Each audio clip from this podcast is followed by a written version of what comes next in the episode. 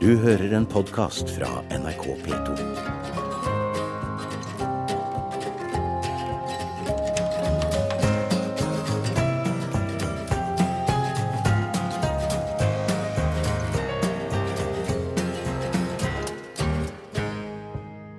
Du lytter nå til Lisa Ann Cooper, som tar radioutfordringer i P2. I den neste timen vil du garantert bli bedre kjent med meg og enkle historier fra mitt liv. Historier om personer, bøker og sanger som har rørt meg til latter og til tårer. Jeg er en amerikaner med 25 års fartstid i Norge, en såkalt kjærlighetsflyktning, som traff en nordmann i en bar i 1988, og vips, i 1989 var Norge hjem. Jeg har over 15 års ledererfaring fra Telecoms, fra et selskap som heter Alcatel, og en andre som heter Thales, og fulgte min passion, eller lidenskap, og tok en jobb i integrering og mangfoldsdirektoratet, hvor jeg i to år var ansvarlig for nesten alle integreringsprogrammer i Norge. Hjelpe meg, kan du si. Men utrolig lærerik, og Offentlig Norge er en skikkelig imponerende maskin, men ikke et sted for en hyperaktiv New Yorker som lever etter Nike-mottoen Just do it. Så etter to år i integrering og mangfoldsdirektoratet startet jeg et selskap som heter Leadership Foundation. Selskaper har en sosial misjon. Det er til å lede veien til mangfold. Men når jeg sier mangfold, mener jeg forskjelligheter basert på etnisitet, kjønn, funksjonsnedsettelse eller religion. Men kort fortalt egentlig alle relevante forskjeller som finnes i mennesker. Dette gjør vi gjennom prosjekter som er organisert under Leadership Foundation AS. Dette er en ideell AS, hvor det er vedtektsfestet at vi ikke tar utbytte, og alt fremmes for mangfold. Vi har også Leadership Foundation Diversity Consulting, hvor vi hjelper virksomheter å få frem mangfold og mangfoldsledelse på en strategisk nivå. Vi har vokst ca. 35% hvert år, og det er utrolig gøy å være en entreprenør, og ikke minst en sosial entreprenør med mangfold som formål. Og nå skal jeg si litt om min start. Ok. Det var en vakker sommerdag da jeg kom til verden. 14. august 1962. Og jeg ble født i Queens, New York. Far Rockaway, for å være presis. Noen av mine første minner er sommer, faktisk. Vi bodde i en leilighetskompleks rett over gata fra stranden, og lyden av bølgene som traff sand, følelsen av sand mellom tårene, og masse gul og rød leketøy ser jeg overalt. Moren min var hjemmeværende, som de fleste på 60-tallet, og faren min jobbet hardt. Far var en ambisiøs mann som bestemte seg da han var ti år at han ville bli politi som fetteren hans. Han var også inspirert av ulike TV-programmer som Dragnet og FBI Story på 50-tallet. Hans karriere startet hos tollmyndigheter og senere inn i narkopolitiet. Både far og mor oppvokste på Harlem i USA. Mor var en vakkert blanding av irsk, indianer og svart, og far var en vakkert ung svart mann med ambisjoner. De fikk tre barn før mor fylte 23 år, Fullstendig galskap, spør du meg, men sånn var livet da, på 60-tallet. Men det var en kjempefin tid på Far Rockaway, som varte frem til jeg var syv år. Da en sommerdag ble faren min, som jobbet for Drug Enforcement Agency, altså narkopolitiet, truet for livet. Bestemor leste faktisk i avisen, og tanten kom og hentet meg og søsteren min fra lekeplassen. Vi måtte faktisk ligge på gulvet i flere timer i leiligheten, da det var frykt for at noen ville skyte mellom vinduene. Turlig nok. Helt utrolig egentlig, men sant. Og så midt på natten ble vi flyttet til Maryland, som ble hjemmet vårt i ti år fremover. En slags nytt liv, kan du si. Det komiske er at Maryland er kun fire timer unna New York, liksom, så det er ikke så langt for noen å komme og ta oss. Men vi barna, vi ble ikke fortalt sannheten om den tvangsflytning før vi var mye eldre. Drama er liksom en del av livet mitt, faller ikke at jeg gjør så mye for det, men sånn har det blitt. Men andre minner fra New York når jeg var liten, er sterkt preget av mangfold, masse mennesker og liv, rett og slett. Jeg husker Harlem da mine foreldre vokste opp som et sted med mange velkledde mennesker og action. Vi bestøkk stadig bestemor og bestefar og mange venner. Harlem var overhodet ikke Gangsters Paradise, men eh, kan man si en liten, søt og meget rent boområde. Lekeplassen med utrolig masse å klatre på. I New York, når jeg var fire år, ble jeg satt i et program som het Head Start. Programmet var rettet mot barn fra lavinntektsfamilie. Et program som ga tidlig utdanning. Jeg husker jeg kunne leser, skrive, teller og gjøre bråk før jeg begynte på skolen, altså seks år gammelt. Utrolig program, hvor vel og mørke de aller fleste var hvit. Head Start eksisterer i dag, og hver gang jeg hører det nevnt eh, i ulike fora, så smiler jeg litt. Jeg vet det er kanskje litt skrek for de norske der ute, det å sende barn på et skole på fire år. Men jeg husker personlig hvor artig det var å kunne noe mer enn de andre. Og det er kanskje hvorfor jeg senere en gang gikk til universitet da jeg var bare 16 år gammelt, og ble ferdig med bachelor da jeg var bare 20 år gammelt. Så det er nok sant at New York R&B, hvor du kan oppnå de utroligste, det ligger i veggene. Mulighetene er overalt, men man må jobbe for å få suksess. Det kommer ikke av seg selv. Fra New York ble vi tvangsflyttet til den lykkelige liv i den nyoppstartet og moderne by som het Columbia, Maryland. Columbia, Maryland er en planlagt samfunn. Jepp, det hørte du riktig. Det begynte med en, en idé om at en by kan forbedre sin beboernes livskvalitet. Skaperen og utvikleren James Rouse så den nye samfunn i form av menneskelige verdier snarere enn bare økonomi og engineering. Det var gratis buser, dører som ble aldri løst, og et mangfold av mennesker og en utrolig trygg sted å bo. Kriminalitet forblir lav, og jeg tror herr Raus fikk til noe spesielt i den byen. Det ble faktisk en modellby for andre steder i USA også. Byen i Peachtree City, Georgia er faktisk en sånn by, og den byen hvor mine foreldre bestemte seg for å pensjonere seg for nesten 20 år siden. Fra Maryland ble familien sendt videre til Kingston, Jamaica i to år. Da tok faren min tilbud om å jobbe ved ambassaden for å bekjempe narkotikatrafikk. En meget betydelig opprykk for en svart mann og starten av en eventyr for oss i familien. Året var 1974. og Jeg husker så godt da vi tok den lange flyturen. Da var jeg elleve år og hadde aldri vært utenfor USA. Spennende og skremmende.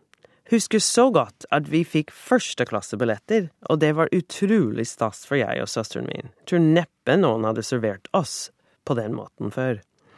Vi gikk fra en rekehus i suburban-idealen til en hørskapsbolig med tjener og sommerbasseng. Jamaica var også på det tidspunkt ekte, vil jeg si, og det var før turisme. En ordentlig regnskog med lav fjell og veier som min minstesøster ble alltid bilsyk av.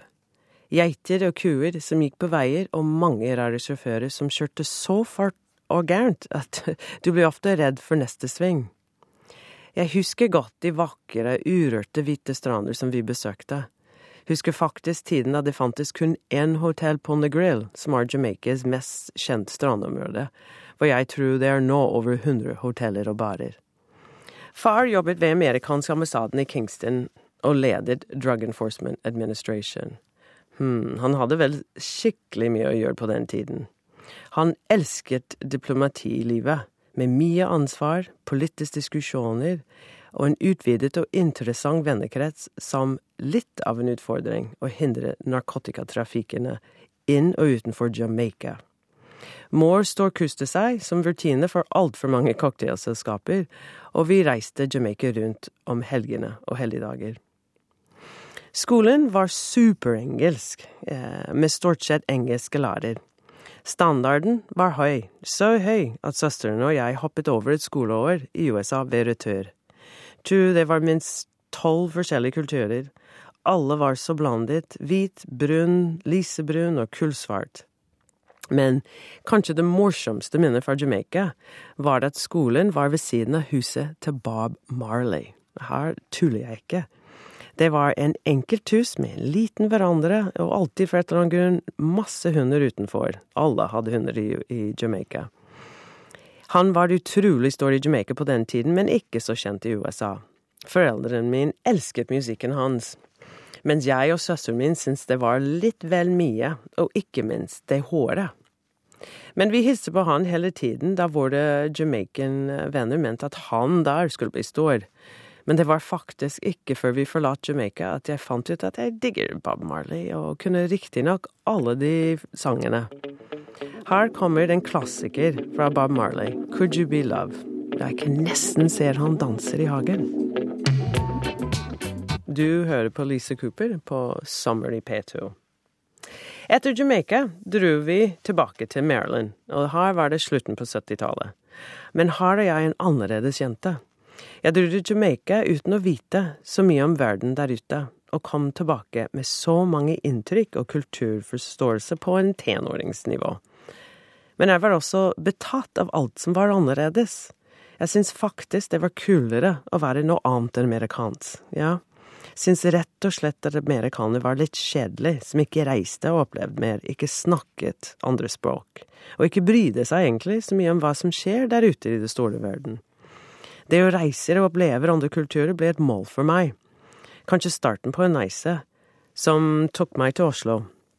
Min foreldre faktisk eh, fortsatte sin reise i Europa, med fem år i Belgia og Thailand, og var også med å spe entusiasme om kulturelt mangfold til familien.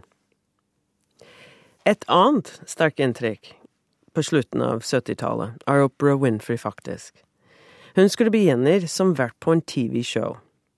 De lagde faktisk en reklamekampanje for henne, hvor de spurte hva er en opera?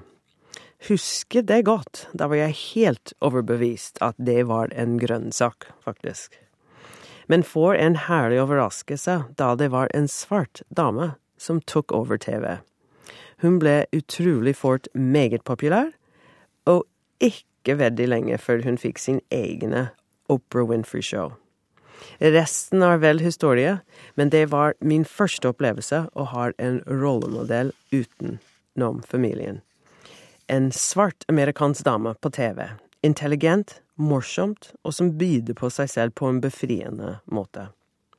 Når Oprah Winfrey ble så stor, var klokken 16.00 en masstid å være hjemme også. Da startet hennes timelang program på prime time. Jeg satt ofte alene, eller med venninner og søstrene mine. Programmet var en slags Skavlan, men hadde mer tema som var litt mer tidsaktuelt og veldig rettet mot kvinner. Det var alltid mange gode diskusjoner om innhold, eller om de gjester i hennes programmer i dagen etter. uh, så du det på opera i går? var en ganske vanlig utsagn. Det var morsomt å se hennes popularitet øke med tiden, og hvordan både hvit og svarte mennesker elsket henne. Men opera har gjort enormt for svarte kvinner som meg. Hun viste at det gikk an å likes i en bransje som en vanlig svart person en person med talenter og intervjuer, lager programmer, og etter hvert lærer oss om oss selv. Det at hun eh, har klart å holde ut i så mange år og bygge en imperium, hun har nok vært en par milliarder, viste at en svart dame fra sørstatene kunne gå så langt de kunne drømme om. Det var ikke mange Opera Winfrey-shows jeg fikk med meg i 1989 i Norge. Jeg traff en nordmenn i en bar i New York City ga han telefonen mitt på et serviett skrevet i leppestift. Det var da helt normalt for meg å date en nordmann, egentlig. Som mine venninner sa, så var Skandinavia de eneste del av verden som jeg ikke hadde datet en eh, mann fra før. Jeg likte de som var litt annerledes, visste det nok. Jeg flyttet til Norge i 1989, og det var sommeren det også, faktisk. Det var 15. juli, og jeg husker så godt at det var 30 grader i New York City da jeg dro, og 10 grader i Norge. Og det ble aldri varmere den sommeren, og gjett om jeg fikk litt panikk om valget. Klarte ikke helt å forstå hvordan det kunne være så kaldt i juli, men heldigvis hadde jeg en mål. Jeg skulle studere ved Oslo handelshøyskole og ta en MBA. Det var en drøm for meg å få en MBA. Og det er faktisk en av de eneste grunner at jeg flyttet over jorden for kjærlighet. Jeg tenkte hele tiden at jeg vil få den MBA. Og så om det gikk ikke med den vikingen, så hadde jeg i hvert fall ikke kastet bort tiden. Litt som opera hadde coachet meg, kanskje. Intrikene fra Norge i tidlig 90-tallet er mange. Et nytt kultur, nytt språk, en ny by å lære, og ikke minst hva som er i butikkene butikker som hadde langt fra det utvalget som vi har i USA. Det var nesten ikke ris å få. Kyllingbris var eksotisk, og Oreo-cookies har liksom akkurat kommet til landet i fjor, tror jeg. Ja, men jeg gikk inn med åpne øyne og fikk gode statusspillere.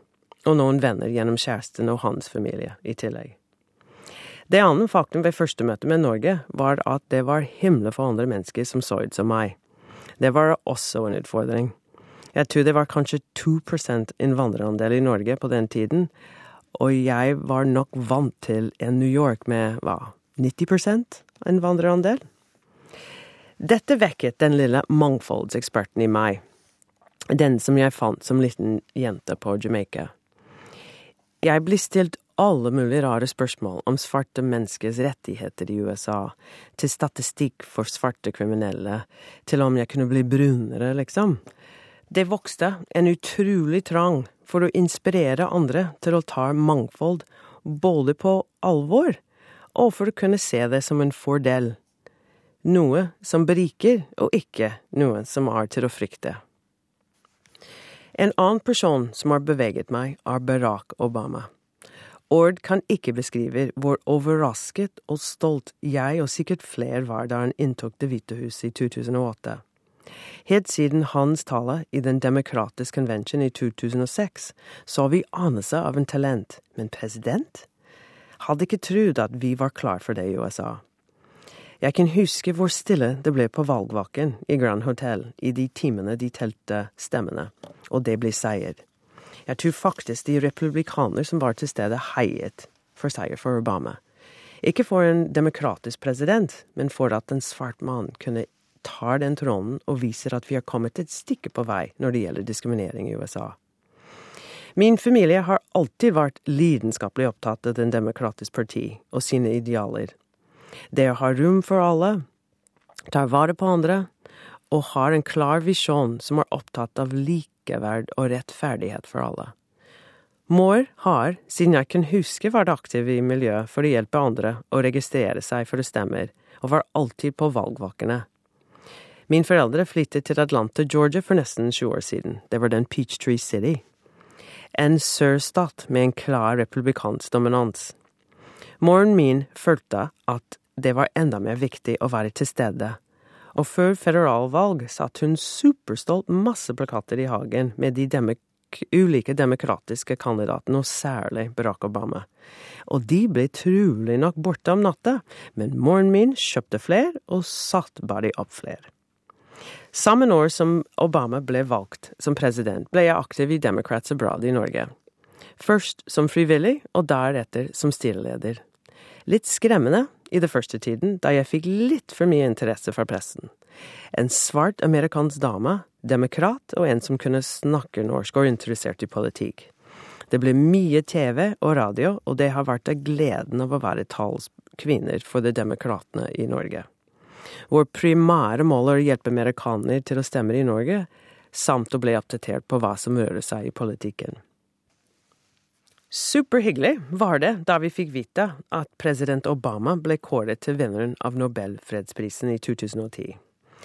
Altfor tidlig, i henhold til innsatsen, men det er mange andre som har vunnet prisen før de klarte å løse de store sosiale eller geopolitiske utfordring som de ble nominert for. Martin Luther King og Ayan Sushi, for å nevne noen, men jeg skal ikke debattere prisen her, takk. Men jeg var til stede da president Obama holdt talen på rådhuset, og det var en utrolig magisk eh, øyeblikk da han gikk inn i rommet. Stillheten og stemning var magisk, og talen som sjokkerte oss alle på en måte. En tale om fred og krig og USAs rolle som stormakt. President Obama imponerte enda. Han er ikke bare klart å bli gjenvalgt i en USA som har superpolisert politisk sett, men har også klart å innføre store reformer som helsereform. Han har klart å snu økonomien, han har klart å gi fokus på klimaforandring og sikre kvinners rettigheter, og ikke minst opptre med verdighet. Han er the man for meg. Jeg leser eh, ikke mye, skal jeg innrømme. Jeg foretrekker fakta over prosa og skjønnlitteratur. Men på 90-tallet ble jeg tiltrykket av bøkene til Tony Morrison. Som en svart dame skriver hun utrolig sterke, vakre fortellinger som er virkelig vondt å lese. Men som du blir kjent med menneskene i bøkene hennes på en dyp måte. Gjennom hennes poetiske og direkte fortelling kan du nesten forestille deg de utrolig vanskelige situasjoner og valg som de måtte ta. En av mine favoritter er Det blåeste øyne. Det blåeste øyne er en roman av Tony Morrison fra 1970. Det ble utgitt på norsk i 1994, året etter at Morrison fikk Nobelprisen i litteratur. Jeg var så heldig å høre Tony Morrison live her i Oslo på 90-tallet etter at hun fikk den prisen. Det var en åpent møte hvor hun leste fra boken. Kjempesterk, så sterk at uh, når jeg etterpå befant meg på selveste teaterkafeen uh, med mange venninner, begynte jeg bare å grine.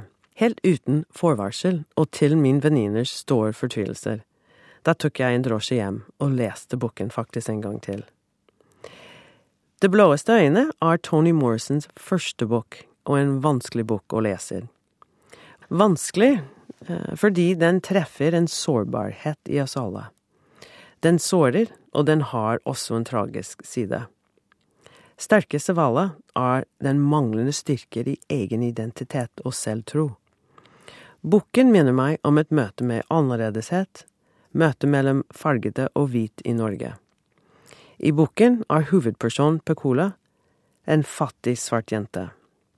Og Pekola tror at hun er stygg, på grunn hun tror at idealet er å være hvit med blå øyne. Jeg har lyst til å lese en liten sitat. It had occurred to Pecola some time ago that if her eyes, those eyes that held the pictures and knew the sights, if those eyes of hers were different, that is to say beautiful, that she herself would be different. Tony Morrison skrev Den blåste øyne fordi hun var dypt bekymret for følelsen av å være stygg, og forskrekket at noen var unnskyldende for at huden var så mørk. Det er høyst relevant i en Norge som har vokst seg til å være hvit, brunt og svart. Og jeg håper underlig det er ingen barn, med eller uten en vandrebakgrunn, som ønsker seg å være noe annet enn det de er.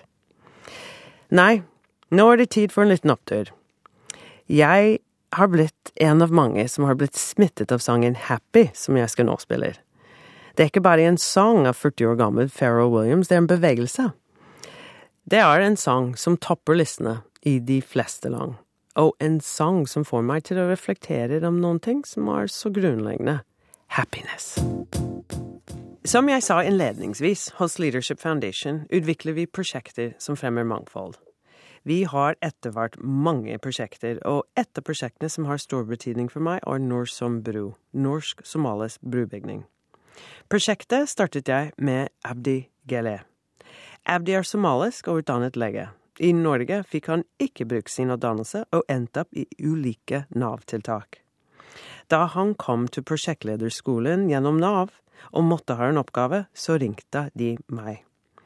Kunne ikke jeg hjelpe Abdi med et prosjekt? Han hadde så lyst til å gjøre noe for somalsk ungdom i Norge. Somalierne i Norge sliter. De er utskjelt i media og diskriminert i mange områder. De er svarte, muslimske, bare hijab, og mange kommer fra krig. Men over 80% av somalierne i Norge er under 20 år. Ungdom er framtiden. Jeg hadde et møte med Abdi og likte han godt en voksen mann som var lei av å ikke få jobber, men som hadde ressurser og overskudd nok til å rette en innsats overfor ungdom. Vi hadde møte med ulike somaliske organisasjoner og andre offentlige instanser. Vi kartla hva som trengs i miljøet og landet, på informasjonstiltak. Vi satte i gang kursing om konflikthåndtering, startet en pilot mentorprogram for fire ungdom og startet den Nordic Somali Youth Summit. For to år siden ansatte jeg en ung jenter med somalisk på 19 år, Rakia Bihi. Rakia har vokst så utrolig i den tiden vi har jobbet sammen, da hun har blitt kastet inn i mange spennende miljøer og utviklet og ledet en del prosjekter. Hun har hjulpet meg å forstå somalierne, og forstå muligheten som ligger i deres framtiden. Rakia var ikke så engasjert i somalsk miljø da vi traff hverandre, men nå har hun blitt en viktig stemme for somalsk ungdom. Jeg er meget stolt av henne da hun skal nå til Somalia i fem måneder for å jobbe med ung jenter. Hos Leadership Foundation har vi hatt en treårig samarbeid med Fredskorpset. Det har innebart at jeg har fått uh, praksiselever fra ISEC, en studentutvekslingsorganisasjon, hvert år. En kom fra Uganda, den andre fra Mozambique, og den tredje Ronny fra Kenya. Ronny fra Kenya er litt annerledes enn de andre interns vi har hatt. Han kom med så mange spørsmål om livet og verdier. Han sitter ofte litt personlige spørsmål i tillegg til jeg og Rakia, om politikk, vårt kjærlighetsliv og masse rart. Han danset eh, hele tiden og klemte oss hele tiden, noen som fikk faktisk Rakia til å se rødt, men vi fort skjønte at den, denne gutten på 23 år var nå vel litt annerledes. Men det som virkelig rørte meg med Ronny, er hans tro. Han er en dyp praktiserende kristen. Han leser Bibelen og en bok som heter Reach for Life hver morgen. Jeg har alltid sett på religion som en ritualistisk, konformitetsdannende praksis, men for Ronny har jeg sett at det er mer enn en tro, det er en way of living. Han reflekterer nesten daglig om han handler ut ifra de kristne verdier. Ronny får vist veien gjennom Bibelen og Gud for å leve hans liv. Hm. Men hva er det jeg tror når det gjelder ledelse? Jeg har alltid vært tiltrukket av muligheten for å være en leder. Ikke fordi jeg tror jeg er best, men på grunn av at jeg elsker utfordring det representerer. Å lede mennesker til et mål gjennom en reiser av oppturer og nedturer er krevende og en privilegium. Vi alle kjenner meget godt forskjell mellom gode og dårlige ledere. De som er detaljorientert, kontrollerende, kontra de som er litt lett og ikke tør å ta konflikter. Det er en hel del skrevet om lederskap og hva som er god og dårlig. Men for meg er en god leder en med en høy dose av emotional intelligence. Ser vi definisjonen fra Wikipedia, så er emotional intelligence evne til å oppfatte egne og andres følelser og emosjoner, og skiller mellom dem og bruke den informasjonen i tenkning og handling. Jeg har hatt gleden av å lede teams fra to personer til 70 personer, med resultatansvar og kunnskapsmedarbeider med prosessansvar. I dag hos Leadership Foundation leder jeg en organisasjon som hjelper samfunnet, individer og virksomheter og tenker i det store vi, og ikke bare jeg. En vi som er preget av mangfold og forskjelligheter. Mangfold er vår drivkraften, og vi ser fordelen med å ha mangfold for alle. Og det er en felles ansvar.